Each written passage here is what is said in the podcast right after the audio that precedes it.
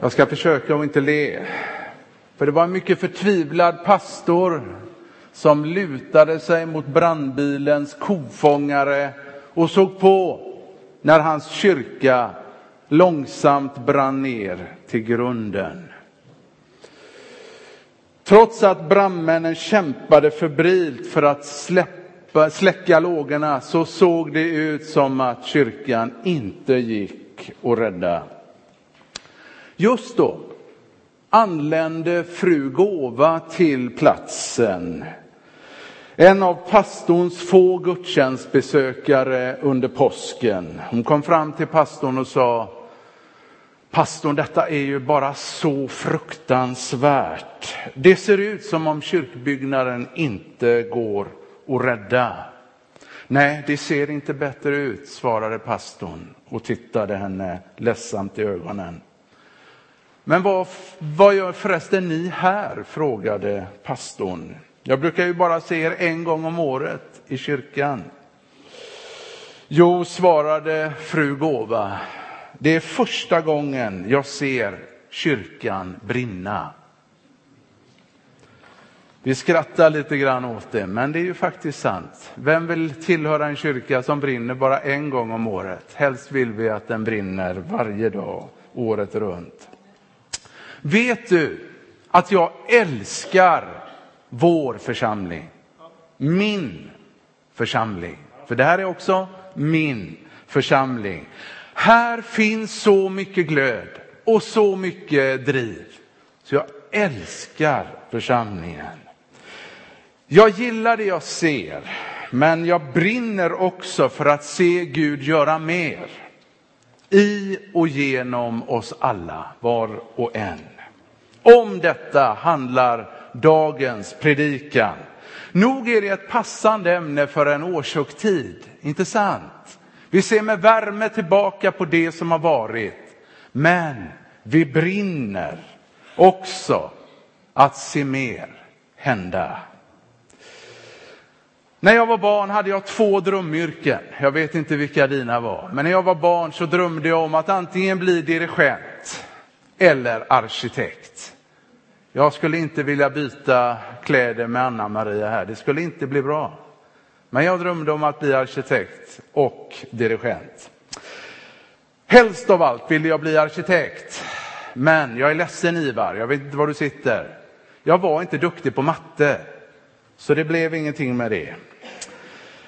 Men ett har jag förstått när det gäller arkitektur. Om man vill veta något om ett byggnadsverk, det här, ja men då ska man ju prata med arkitekten, han som ligger bakom liksom själva byggnaden för att få veta mer. Hur tänkte du? Vad var liksom tanken med det här byggnadsverket? Vad skulle det liksom fylla för funktion med varje del? Det är så man bör, om man vill veta eh, något om ett byggnadsverk, fråga arkitekten. Bibeln beskriver hur Gud endast frambringar sådant som han själv älskar och brinner för. Vet du att du just nu sitter i någonting som Gud älskade så högt att Jesus utgav sitt eget liv för dess skull?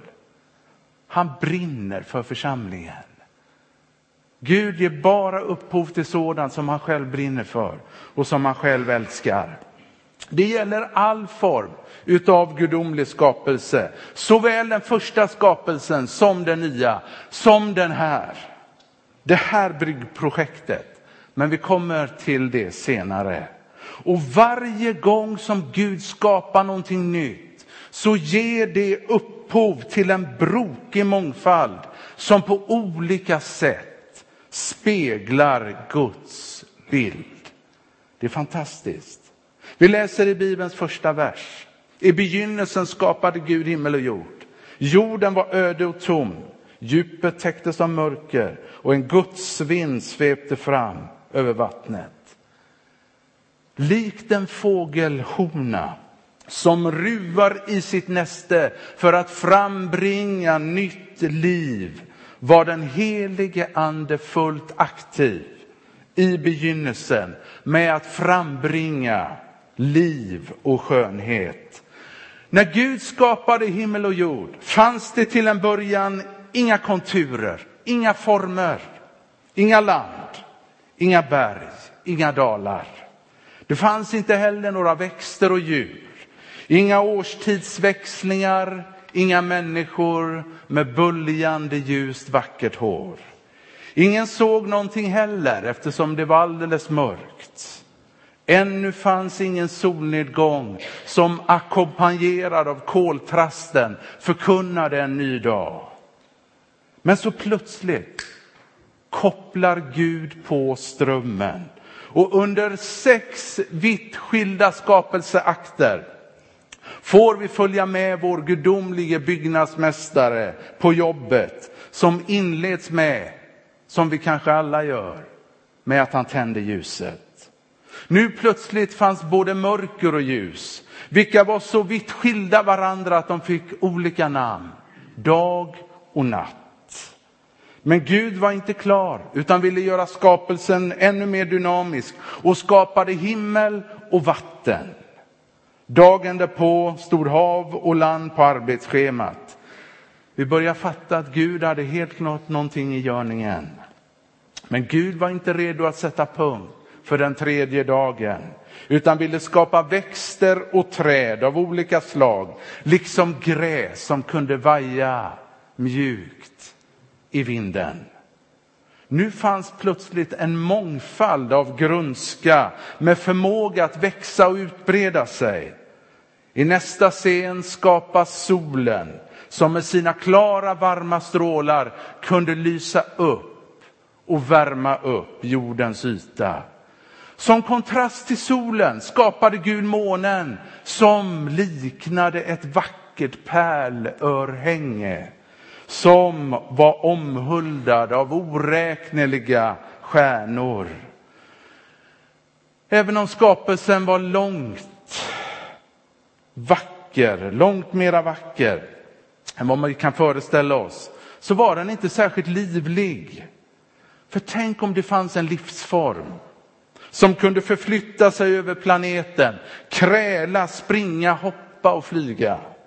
Och tänk om dessa varelser eller skapelser inte bara existerade sida vid sida utan även kunde samspela och vara ömsesidigt beroende av varandra.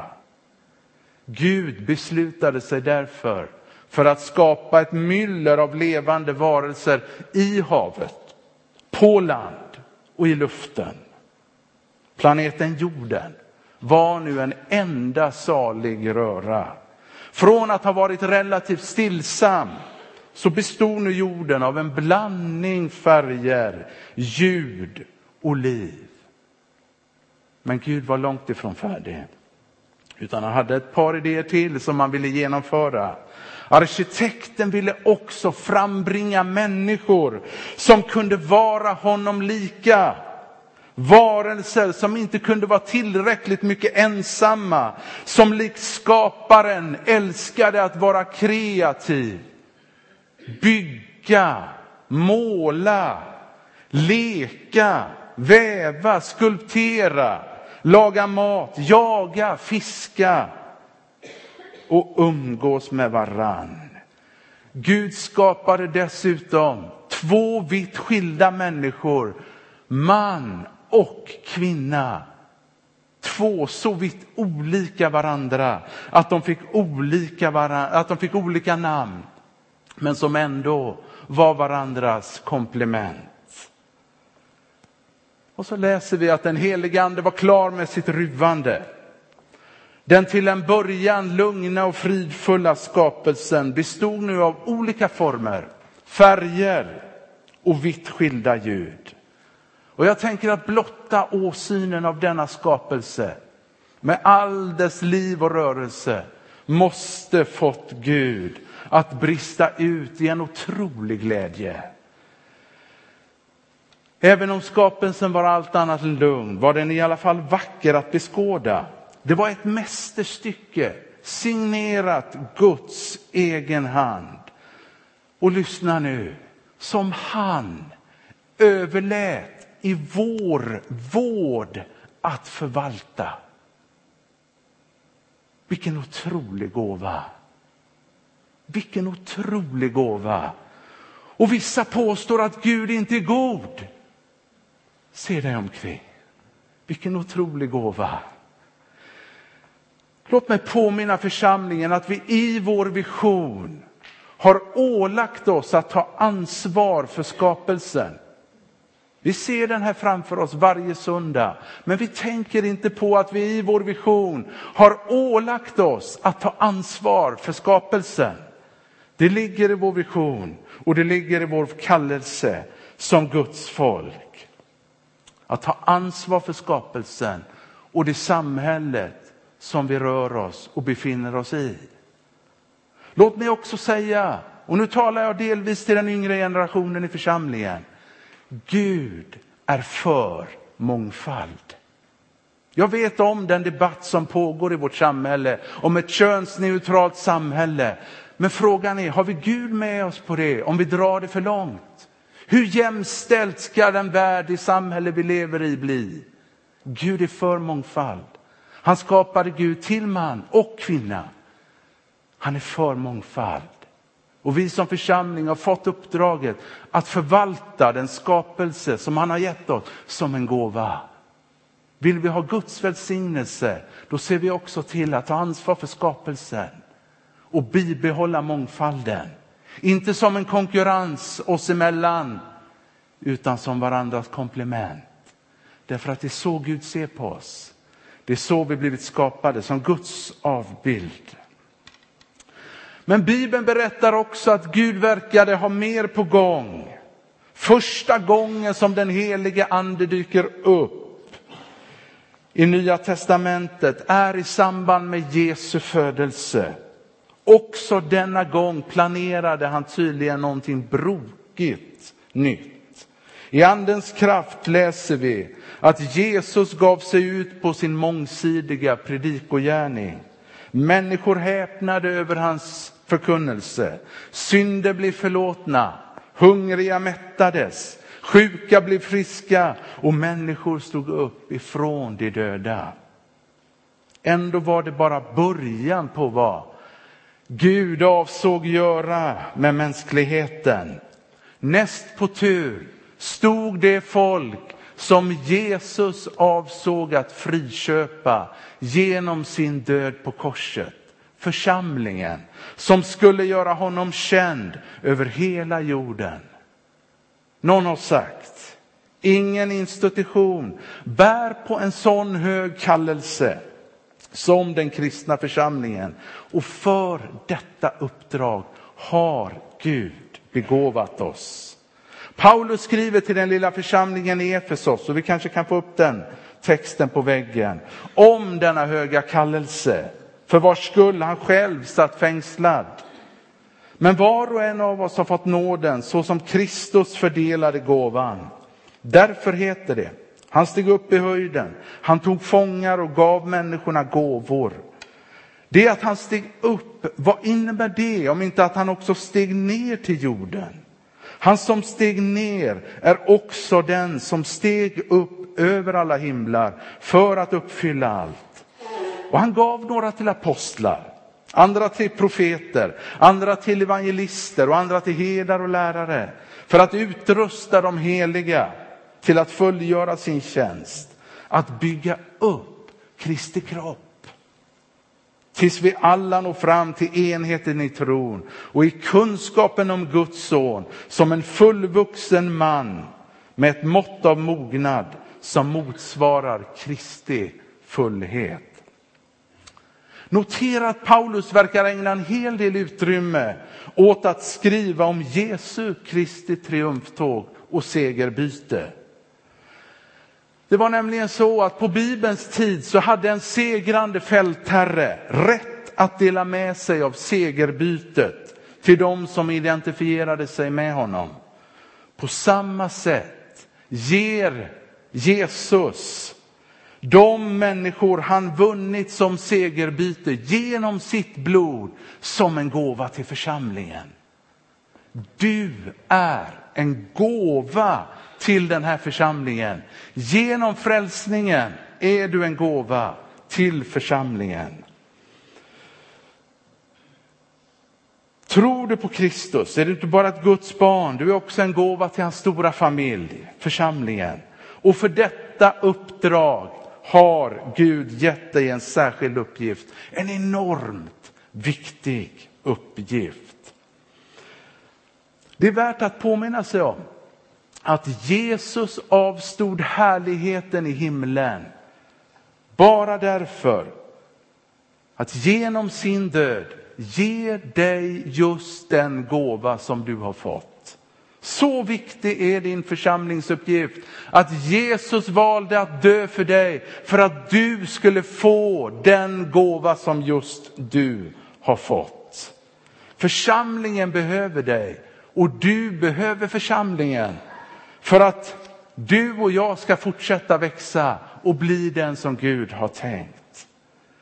Vet du att det är min bestämda uppgift.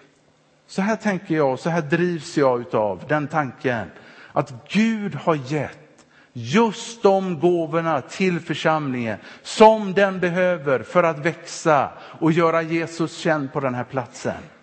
Alla de gåvorna som församlingen behöver här i Mundal för att göra Gud känd. De finns här. Vårt uppdrag som församlingsledare, det är ju att liksom urskilja, vilken är din gåva? Vad har du fått? Vad vill Gud göra genom dig?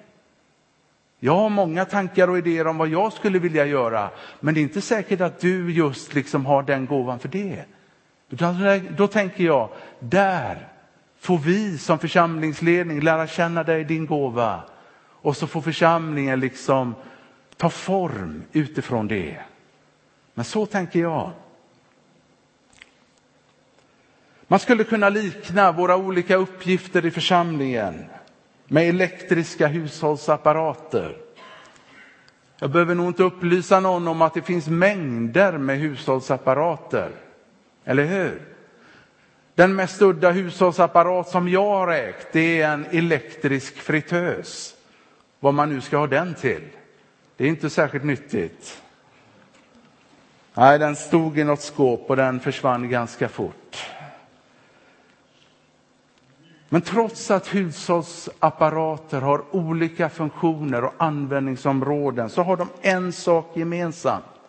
De har nämligen en sladd i ena änden som gör att de får kraft. Och oavsett funktion är de beroende av en och samma kraftkälla, förutan vilken de inte kan fungera. Oavsett hur vår församlingsuppgift än ser ut, så är vi lika beroende av samma strömkälla, den helige ande. De första kristna, de hade lärt sig att leva genom denna kraft, förutan vilken de aldrig hade kunnat påverka sin omvärld. Evangeliet hade aldrig kunnat nå in i våra dagar utan denna kraft. Så viktig är den. De kopierade inte världens sätt att utöva makt. Nej, de hade funnit en kraft som var långt mycket mera verksam tron på Jesus Kristus. Och denna, om denna kraft skriver Paulus, detta evangelium har jag blivit satt att tjäna med den gåva och nåd som Gud har gett mig genom sin mäktiga kraft. Och senare, han som kan göra långt mycket mer än allt vi ber eller tänker genom den kraft som verkar i oss. Hans är äran i församlingen och i Kristus Jesus genom alla generationer i evigheters evighet. Du hör själv, Guds kraft liknar ingenting annat på jorden. Utan den är vi ingenting. Den verkar bland död och förtvivlan. Det var nämligen så som den första gången kom att visa sin kraft. Jag vet inte om du har tänkt på det. Men oftast är den mycket stillsam och ändå, trots denna märkbara stillsamhet, uppnår den alltid sitt syfte. Vet du att många av församlingens flitigaste arbetsmyror är människor som tjänar Gud i det tysta. Ofta är det bedjarna. Du ser dem oftast inte, men det märks. För det märks i församlingen att de är igång. Att skåda deras arbete är en fröjd. Flera av er finns här inne. Tack för din trogna tjänst, din bönetjänst eller vad det än vara må. Dig förutan kan jag säga med handen på hjärtat skulle mitt arbete i församlingen inte vara lika roligt och meningsfullt. Så jag säger behåll stilen. Behåll stilen. Paulus beskriver den kristna klädstilen i termer av ödmjukhet och tjänande och att sätta en ära i att leva lugnt och stilla. Sätt en ära i att leva lugnt och stilla. När Jesus uppstod ifrån de döda brydde han sig inte det minsta om de hinder som han hade ställt upp i hans väg. Han trotsade stenen vid ingången till graven, vakterna utanför, likaså Pilatus order och, lyssna nu, ryktena om att döda inte uppstår. Jesus klev bara lugnt och stilla ut ur graven. Min vän, behåll stilen, den ödmjuka, tjänande, stillsamma stilen. Bunden vid bojor skriver Paulus som en Kristi fånge. Jag vill att ni ska veta bröder, att det som har hänt mig snarare har lett till framgång för evangeliet. Det har nu blivit känt för hela pretoriet och alla andra att det är för Kristi skull jag sitter fängslad. Varje försök att stoppa evangeliet ledde bara till större framgång. Varför? Jo, därför att Paulus hade lärt sig att lita på Jesu Kristi kraft. När Paulus var som svagast, då var Guds kraft som störst. Jag vet inte om du är här inne som just nu går igenom en tung period. Men Guds kraft verkar som störst i svagheten. Denna kraft blir vår genom tron. Var och en som tror att Jesus har uppstått ifrån de döda blir stark i hans väldiga kraft. Jag vet inte om du heller sitter här som brottas med skuldkänslor, dåligt samvete, med synd. Men evangeliets ord hälsar dig att Jesu blod renar från all synd. Det är kraft, kraft i Jesu blod. Det kommer inte alltid att kännas att Jesus är nära, men tro mig, han är där. Han är där och det kommer att märkas.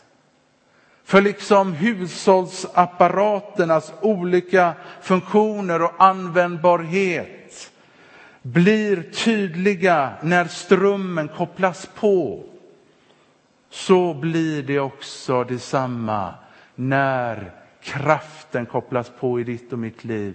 Då blir de andliga gåvorna synliga. Det heter i en sång som vi snart ska sjunga. Hjärtats Herre och kung. Tänd din eld djupt inom mig. Låt mitt liv få spegla dig. Du är min sång. När Guds kraft kopplas på, då blir också gudsbilden klarare.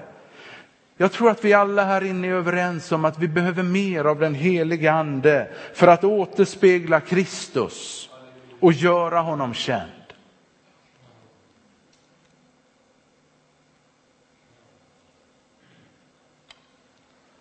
Du vet att varje församlings mest prioriterade fråga borde vara denna. Hur bygger man en biblisk församling? Om vi bygger en kyrka efter vårt eget huvud så kommer förr eller senare kraften att sina. Vi kan bygga en församling på attraktion. Vi kan ha jätteflashigt här framme. Vi kan släcka ner hela lokalen, mörklägga fönsterrutorna därför att vi tänker, men det, det gillar väl folk. Det går man väl igång på. Men till slut så läser människor av det. Och då går vi igång igen för vi tänker att vi vill bygga en församling på attraktion. Och så, så, så gör vi någonting annat. Sätter vi in andra, lampor, andra färger i lamporna. Det hjälper inte. Förr eller senare läser människor av det också. Man blir trött av att bygga en församling på attraktion. Nej, men om vi bygger församlingen så som Gud har tänkt, då kommer kraften att flöda. Mörkret förjagas och människor finna ljuset. Som jag sa i början, jag älskar den här församlingen. Här finns så mycket driv, så mycket hjärta, så mycket passion. Men lyssna, min önskan är inte att du skall bränna ut dig i församlingen, utan att du ska brinna för församlingen. Det är stor skillnad. Min bön är att vi ska fortsätta göra det vi älskar. Älska Jesus och människor, fast lite mer det år som ligger framför. Vi ber. Helige Gud, tack för den värld som du har gett oss som gåva. Så vacker, så underbar. Herre, tack för att du verkligen är god. Och Herre, hjälp oss att ta ansvar för skapelsen så som den är oss given. Herre, tack för mångfalden i skapelsen. Också på det sätt som du skapade oss människor. Herre, tack för att jag får vara den jag är och att någon annan får vara den den är. Som man eller kvinna. Herre, tack också för församlingen. För det var någonting du tänkte med mångfalden också där, Gud. Att vi på olika sätt ska få vara med och bidra. Att vi alla på ett eller annat sätt har en plats i församlingen. Och att vi får vara här som tjänare. Tack Gud också för att det finns kraft. Kraft att få så att vi slipper att gå i egen kraft. Jag tackar dig Gud och jag tackar dig helige Ande för att du är här just nu i denna stund och att du verkar ibland oss. Tack för de gåvor som finns här Gud. Så underbart Herre. Jag tackar dig. Välsigna fortsättningen av vår gudstjänst och vår årshögtid. Vi prisar och vi lovar dig. Amen. Amen.